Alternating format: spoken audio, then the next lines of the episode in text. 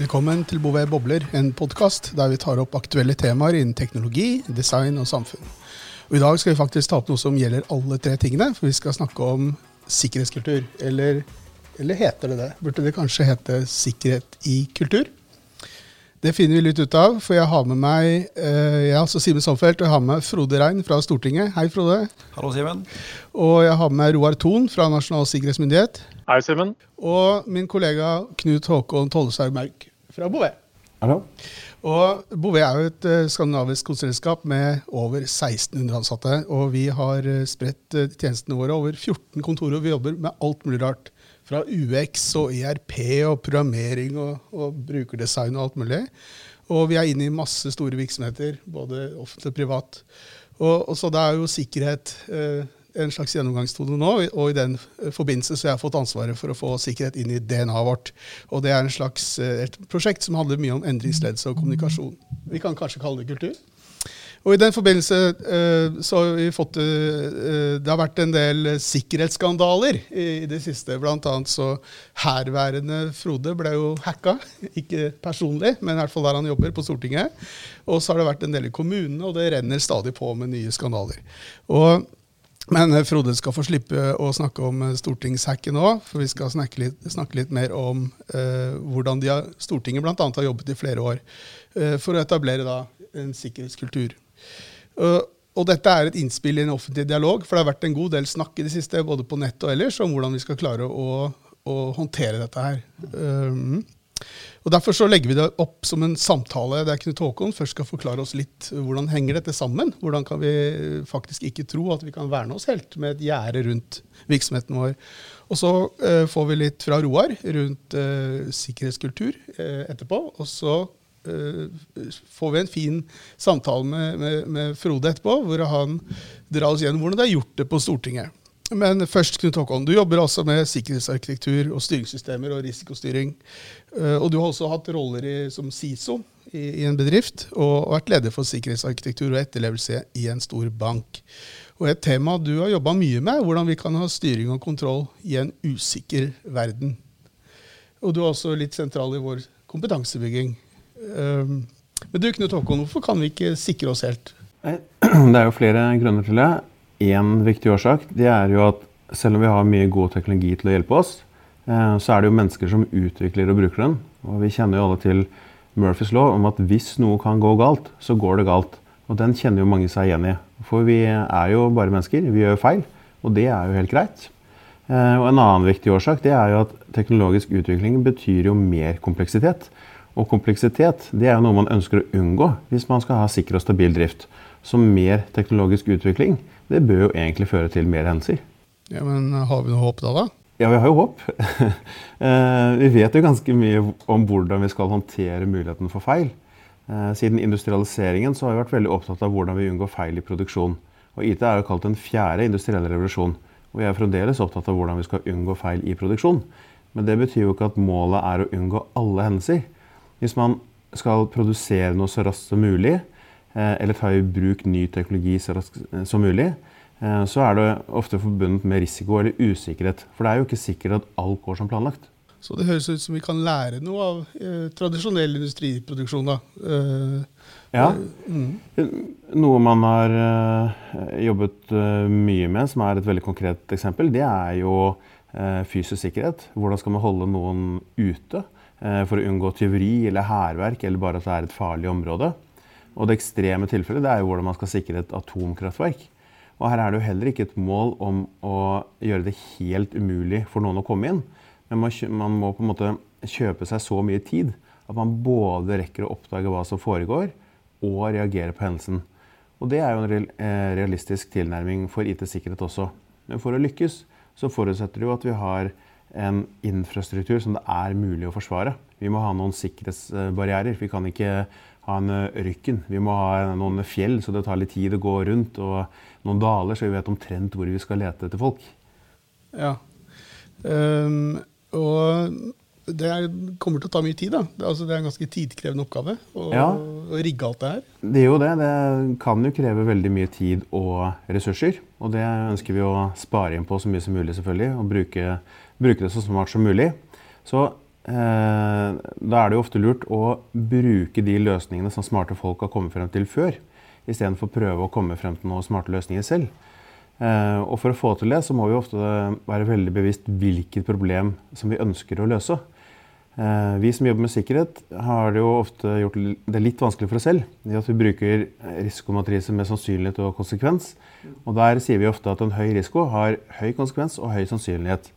Men ofte er en høy sannsynlighet definert til å være noe som forekommer årlig. Og Det gjør at det er vanskelig å skille mellom det som er viktig og det som haster.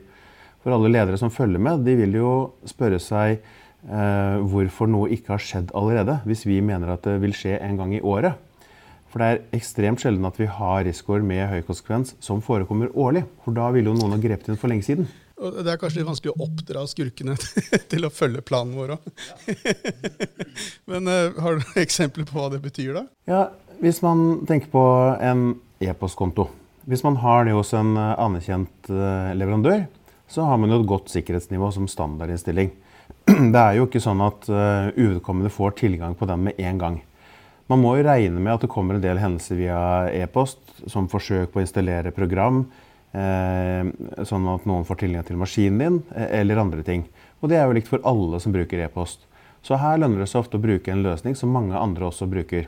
For når leverandøren finner en løsning på et nytt problem for én kunde, så får alle kundene også tilgang til den løsningen. Og Det er et eksempel på det man kan kalle grunnsikring. Men så er det en annen type risikoer. De som forekommer sjelden, som har en høy konsekvens. Et helt annet eksempel enn IT som vi kjenner i Norge, er jo hundreårsflom i en dal.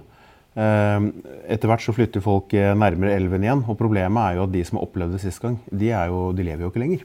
Ehm, så, det er ingen til å advare dem om hva som kan skje. Ehm, og for IT-sikkerhet så er det jo det samme.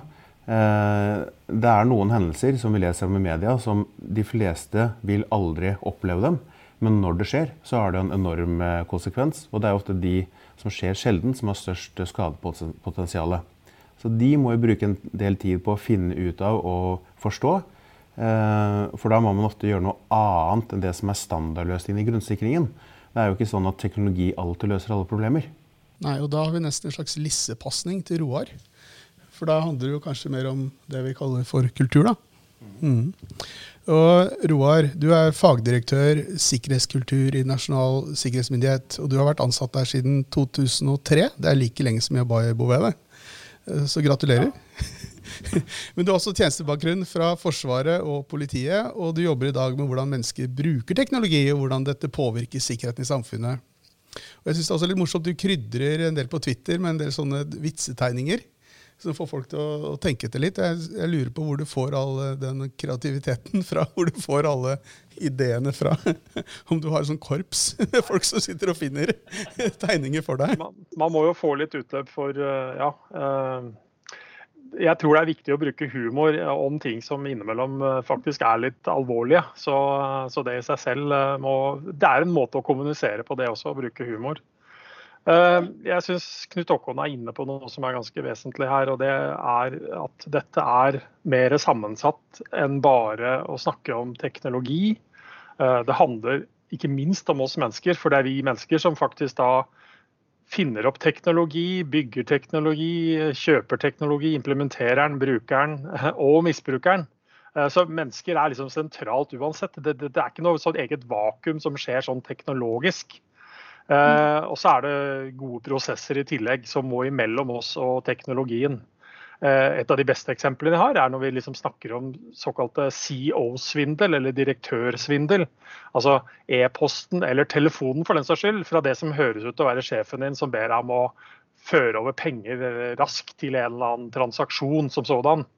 Uh, og når jeg bruker det som et eksempel, så spør jeg veldig ofte Ok, Fikser vi det ved å kjøpe en eller annen boks som står i et hjørne og blinker? Vi gjør jo ikke det. Vi fikser det gjennom altså, mennesker som er bevisste at denne situasjonen kan oppstå. Og gode kontrollrutiner som kanskje sørger for at konsekvensene ikke blir så store. Ved at det f.eks. ikke bare er én person som skal kunne gjennomføre en transaksjon på 100 millioner kroner. Da. Men det er jo litt sånn, eh, Nå er vi kanskje begynner å nærme oss det vi, som vi så pent kaller for sikkerhetskultur. Men jeg syns det er litt rart ordet. fordi det er akkurat som det er noe annet i tillegg til den vanlige kulturen du har. Ja, men det, jeg har tøysa med det, og jeg har det som sjøl i stillingstittelen min, som du jo nevnte. og Det er, altså, det er et typisk eksempel på at vi sikkerhetsfolk har vært flinke til å putte ordet sikkerhet foran allerede eksisterende ord og begreper. Og når vi gjør det, så får vi altså sånne fantastiske situasjoner som jeg opplevde for noen år tilbake, hvor en av Norges aller største offentlige etater sier følgende Vet du hva, hos oss har vi ikke implementert sikkerhetskultur enda. OK, hva er da sikkerhetskultur? Altså, Sikkerhetskultur er det, det finnes mange definisjoner. Men altså summen av ansattes kunnskap, motivasjon, holdninger og atferd som kommer til uttrykk gjennom virksomhetens totale sikkerhetsatferd. Altså det vi ender opp med å sammensett gjøre når det gjelder sikkerhet. Men for å, for å egentlig sette dette på plass eh, Du skal ikke ha en sikkerhetskultur. Eh, nå setter jeg det på spissen. Du skal ha en virksomhetskultur eller organisasjonskultur som inkluderer sikkerhet. Fordi Når vi mm. bruker sånne ord og begreper, så har vi en tendens til å flytte dette sikkerhetsarbeidet litt sånn ut på sida av alle andre prosesser eh, og liksom organisasjonen vår. Dette skal implementeres. Sikkerhet skal understøtte det vi faktisk er der for å drive med. og Det er, tror jeg er ganske viktig at vi greier å få til. Implementere det inn i det daglige. Mm. Det minner meg litt om den digitaliseringsdebatten òg, egentlig. at det man, man strør på litt datating, mens eh, det egentlig handler om å få det inn i DNA med, med alt du gjør. Og da må det jo en del bevisstgjøring og opplæring til. da. Og da er det jo dette med humor som du selv Og vi også bruker det. Vi har kjøpt inn tegninger fra lunsj, faktisk, som vi har i ukentlig sikkerhetspost for å prøve. Og vi leier inn komikere for å prøve å, å gjøre det litt morsomt og få folk til å våkne litt.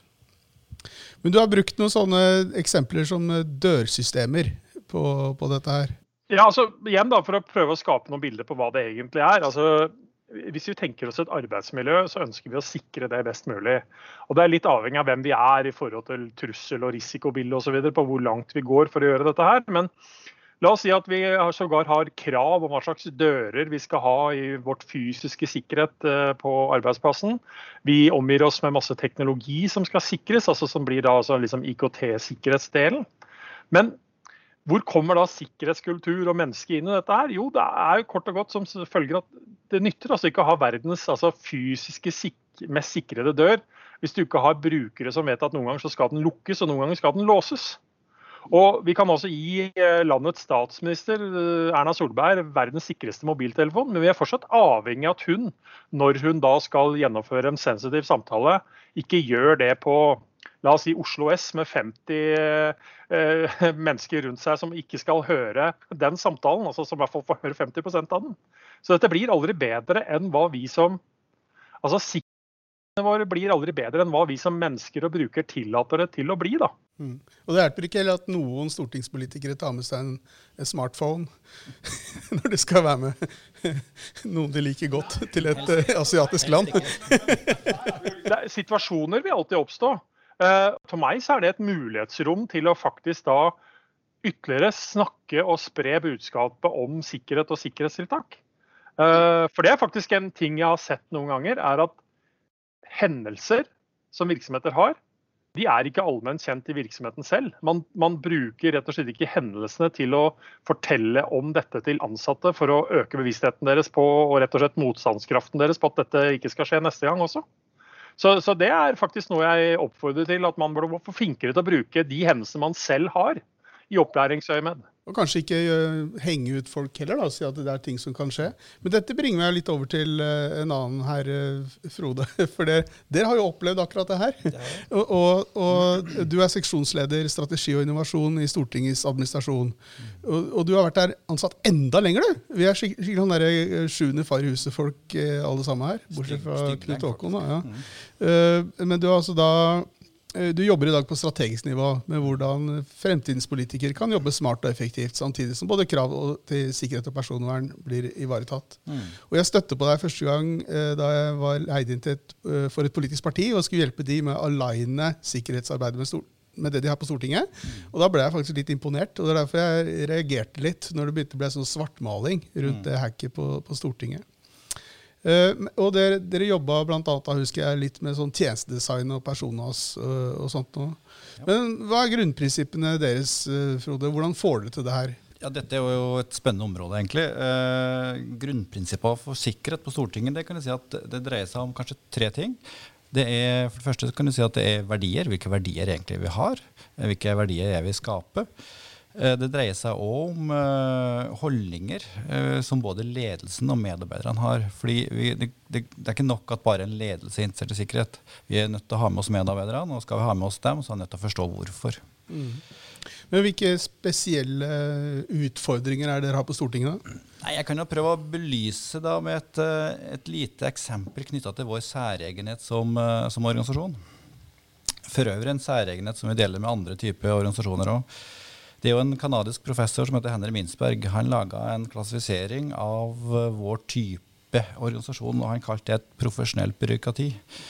Vi har de profesjonelle, som er politikerne i Stortinget, og så har vi byråkratiet, som er oss som jobber i administrasjonen.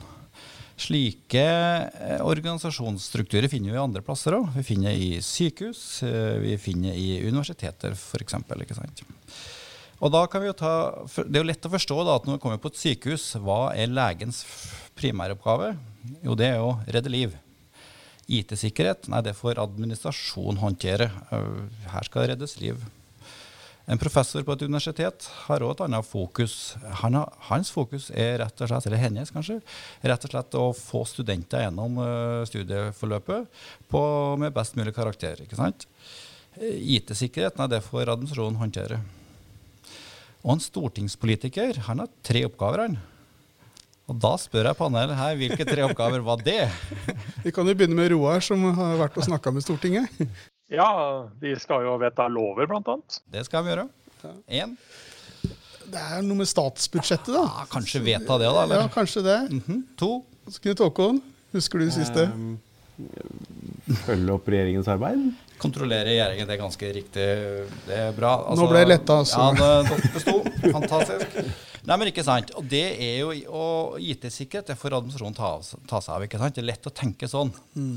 Men som jeg sa her, uh, dette er en, uh, et samarbeid. Vi må ha med oss alle sammen, og da må man forstå hvorfor. Så eh, hos oss da skal vi lage en god sikkerhetskultur. Eh, for de profesjonelle så må vi, må, må vi tenke litt uh, originalt, tenker jeg. Og da mm. Du minner meg, unnskyld, minner meg litt om oss, det, faktisk. For vi skal jo utvikle ting og, og forstå hva de trenger. og sånt nå, Men er, om vi ikke er byråkrater, så har vi jo da noe som vi selv oppfatter som en annen jobb enn å være bare med sikkerhet. Ikke sant? Ja. ja. Nei da, men det er lett å, lett å se analogier her. Ja, ja, ja. I, de fleste men, tenker jeg da. Er det noen tiltak dere gjør? Altså noen spesielle ting dere gjør i den sammenhengen? Jo, men det, det vi gjør, da Vi er jo eh, opptatt av å bruke f.eks. det som skjedde nå, da, den mm. hendelsen som skjedde på Stortinget. Det er en egen energi som skaper der. Altså, du snakka om noen som glemte av noe utstyr, eller tok med seg noe privat utstyr og reiste til noe land osv. Hvis det er en som stortingspolitikerne våre kjenner godt, så går det an å identifisere seg med den smerten som vedkommende har når han blir avslørt i avisa. Mm. En stortingspolitiker vil gjerne komme i avisa med sin politikk, ikke med en skandale. Så det, vi, vi, prøver å ta tak i det momentet en sånn sikkerhetsglipp da har. Og for da er attention til òg de politikerne som skal mm, lage lover og budsjett og kontrollere regjeringen, da har de òg tid til å tenke litt OK, jeg må ikke gå i fella nå. Jeg må kanskje høre litt på de, de gode rådene. Og det, er, det, det, det funker. Så, så hvis en skal komme tør å komme med et lite råd, så gjerne bruke krise litt aktivt. Mm. Altså. Gå mm. inn i krisene, ta mm. energien og prøv å snu det til noe positivt i egen organisasjon. Og så har vi jo Nasjonal sikkerhetsmåned nå, eh, nå i oktober. Er det noe spesielt dere gjør da? Ja, altså den har jo, Det er jo koronarelatert den i år, da. Eh, men eh, Nasjonal sikkerhetsmåned har vi prøvd å, tatt, har vi prøvd å bruke aktivt de siste fem åra. Og det var gjort i år, det kan si at det er ikke bare IT-folk som, som, skal drive med sikkerhet. Det gjelder om å kommunisere et godt budskap. Så vi har tatt med oss faktisk kommunikasjonsavdelingen. Og så har vi klart å og så har vi fått med oss direktøren og fått med oss stortingspresidenten. Så dette, dette gjelder hele organisasjonen. Og vi har laga i for seg noen kommunikasjonsmål for den nasjonale sikkerhetsmåneden som er i oktober. Og de, det er tre poeng i den kommunikasjonsmålene. Det ene er forståelse, andre kunnskap, og tredje er ferdigheter. Vi snakker om å skape en forståelse hos politikerne, hos oss i administrasjonen, hos politiske rådgivere, om hvorfor IT-sikringstiltakene er slik de er. Mm. Samtidig vi om å øke kunnskapen om, om hvor, hvordan de valgene du tar på privaten, faktisk, kan påvirke din jobbsituasjon. F.eks. ha Steam eh, på PC-en som du bruker på jobben? For eksempel. for eksempel. Det er mange eksempler som vi kan ta inn der. Bruk samme passord på jobben som du gjør hjemme osv.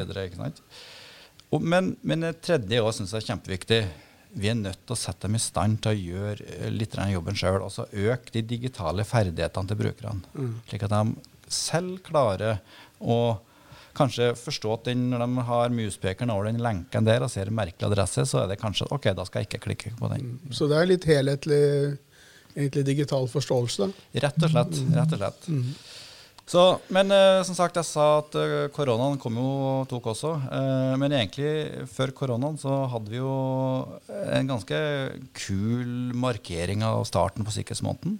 Vi okkuperte alle innganger på Stortinget fra åtte til ni med kaffe og nystakte boller og sikkerhetsbudskap. Mm. Så alle som skulle på jobb den dagen, hadde ikke sjans til å unngå oss. Vi var i garasjen, vi var på Løvebakken, vi var på Jakersgata, vi var i Prinsens gate. Overalt. Der var vi. Og der sto IT-sjefen, der sto stortingsdirektør, der sto IT-ansatte. Mm. Vær så god, her får du en kaffe og en bolle og en liten sikkerhetsprat. Funka som fjell. Mm. I tillegg så har vi Altså, dette var én dag, mm. men vi prøver å ha et løpende arbeid. Og vi har uh, sånn nanolæringskurs. Det er sånn Hva er det for noe nanolæring? Ja, Bitte små moduler som tar to til tre minutter å gjennomføre. Du får den på mail en par ganger i måneden med ulike temaer. Dette har vi for å holde sikkerhetsbevisstheten oppe i, i pannebrasken på alle sammen. Ja. Så det pågår i mange måneder framover nå. Jeg syns egentlig det du forteller nå er, virker som man kan brukes flere steder. At man både tar tak i kriser, og at man bak, og det som Roar sier, tar det litt med humor. Og så har sånn små drypp hele tiden for å liksom få, få, få, det opp i pannebrasken til folk. Men har du noe tidsperspektiv, da? Liksom, ja, vi har et tidsperspektiv. Ja. Evigheten. Ja. Nei, dette er kontinuerlig endringsarbeid, rett og slett. Ja. Vi er nødt til å, fordi, fordi trusselbildet endrer seg, verdien kanskje endrer seg. Mm. Altså, vi, dette er noe vi må jobbe kontinuerlig med. Mm. mm. Så dette er ikke noe stunt, engangsstunt. Dette er noe vi jobber med. Og, og så kan du si sikkerhetskultur. Nei, det er som Roar sa, dette er organisasjonskultur. Men ja, dette ispillet ja, av sikkerhet. Ja, mm. Det er sånn vi prøver å jobbe i, i Bouvet. Mm. Men uh, da har dere kanskje noen spesielle tiltak mot enkeltgrupper? da? For, alle, for sikkerhet betyr jo ikke det samme for alle, liksom? Nei, og det er helt riktig. Og det er ut ifra den verdivurderinga som gjøres igjen. ikke sant? Mm. Uh, Uh, og, og, det er litt avhengig av hva som er settingen, hvilke verdier vi skal beskytte. og F.eks. skal en komité ut og reiser. Skal, man på reise til et land med for høyt etterretningstrussel, så må vi gjøre spesielle tiltak. Kanskje ikke ha med seg Android-telefonen? Uh, kanskje ikke. Få med seg Naja. Få med seg en feature phone. en sånn skikkelig gammel Nokia-telefon fra fra tidlig 2000-tall. Uh, men uh, ikke sant, de får òg besøk. Hvem er det som kommer på besøk? Det, ja. Hvordan skal vi håndtere det? Er det et spennende tema som diskuteres i stortingssalen? Vil det kunne påvirke at noen i samfunnet blir sinte, eller ja. et eller annet sånt? Ja. Det skjedde jo under datalagringsdirektivet, så var det jo det skjedde under så var det angrep. Ja, ja, ja, det er helt riktig. Mm. Men, det, men det viste gode samarbeidet vi har med nasjonale sikkerhetsmyndigheter. Vi fikk høre om det på forhånd, at ok, nå er en del i samfunnet som jobber litt med dette. Mm. Prøv, å, prøv, å, forberede dere litt. Mm. Mm.